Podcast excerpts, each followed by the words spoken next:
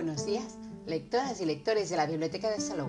Estáis en el espacio Biblio Salou Radio, los podcasts bibliotecarios que os informan diariamente y vía radio de las novedades bibliográficas de la Biblioteca de Salou. Los podcasts de los sábados os hablarán de lo que podemos encontrar en las redes sobre una de las novedades infantiles del próximo mes de agosto. Y hoy, 3 de julio, os presentamos el álbum ilustrado Mi Camita de Javier Sáenz Pinillos, ilustraciones de Julen Rodríguez. ¿Qué sabemos del libro? En la contraportada del libro dice, este cuento está basado en la historia real de una niña y su camita. Esta niña aprendió que durmiendo cada noche en su camita era muy feliz, porque su camita la quería muchísimo. Una historia que puede servir de ejemplo a miles de niños que no quieren dormir solos en sus camitas, para que entiendan las muchísimas ventajas y lo maravilloso que es dormir solos en sus camitas. Mi camita es un libro de tapa dura, de 48 páginas no numeradas, con ilustraciones a color de página entera. Mide 24 por 24 centímetros, publicado por Destino la recomendada es a partir de 3-5 años. Publicado por primera vez en octubre del 2016, tras convertirse en el cuento autoeditado más vendido en España a través de Internet, en el febrero de este año 2021 se ha vuelto a publicar de nuevo, esta vez por la editorial Planeta. Mi camita es un álbum ilustrado muy especial, puesto que puede ser usado como herramienta para que los niños se duerman tranquilos y felices. Eso se consigue con mucha imaginación, convirtiendo la cama en un amigo protector. Mi camita es una historia sencilla, narrada en primera persona por una niña que nos presenta su camita.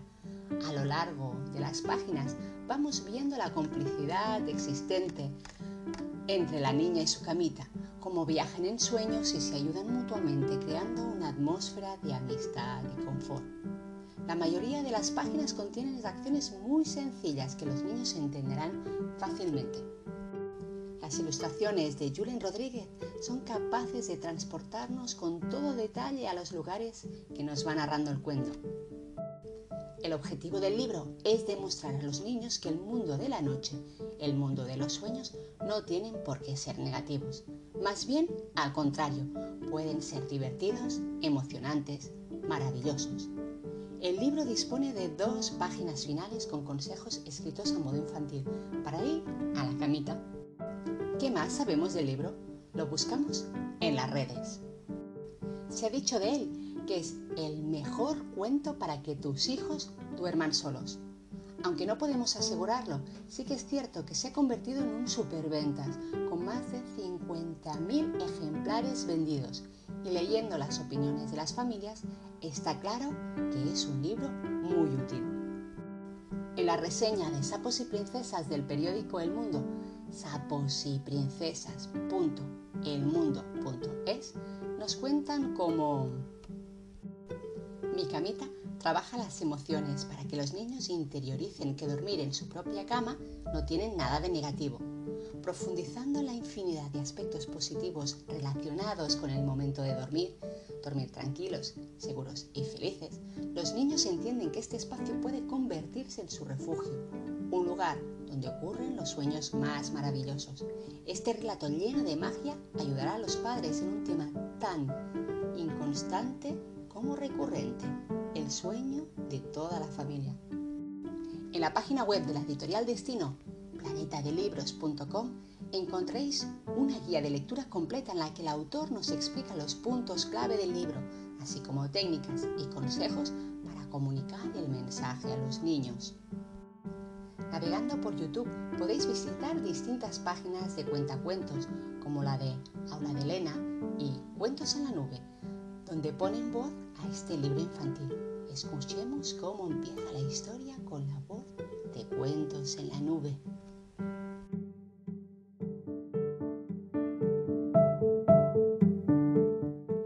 Mi camita. Os presento a mi camita. Mi camita es una dormilona, porque durante el día siempre está durmiendo. Mi camita tiene que descansar para poder cuidar de mí por la noche.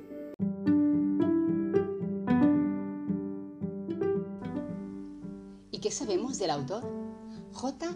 S. Pinillos.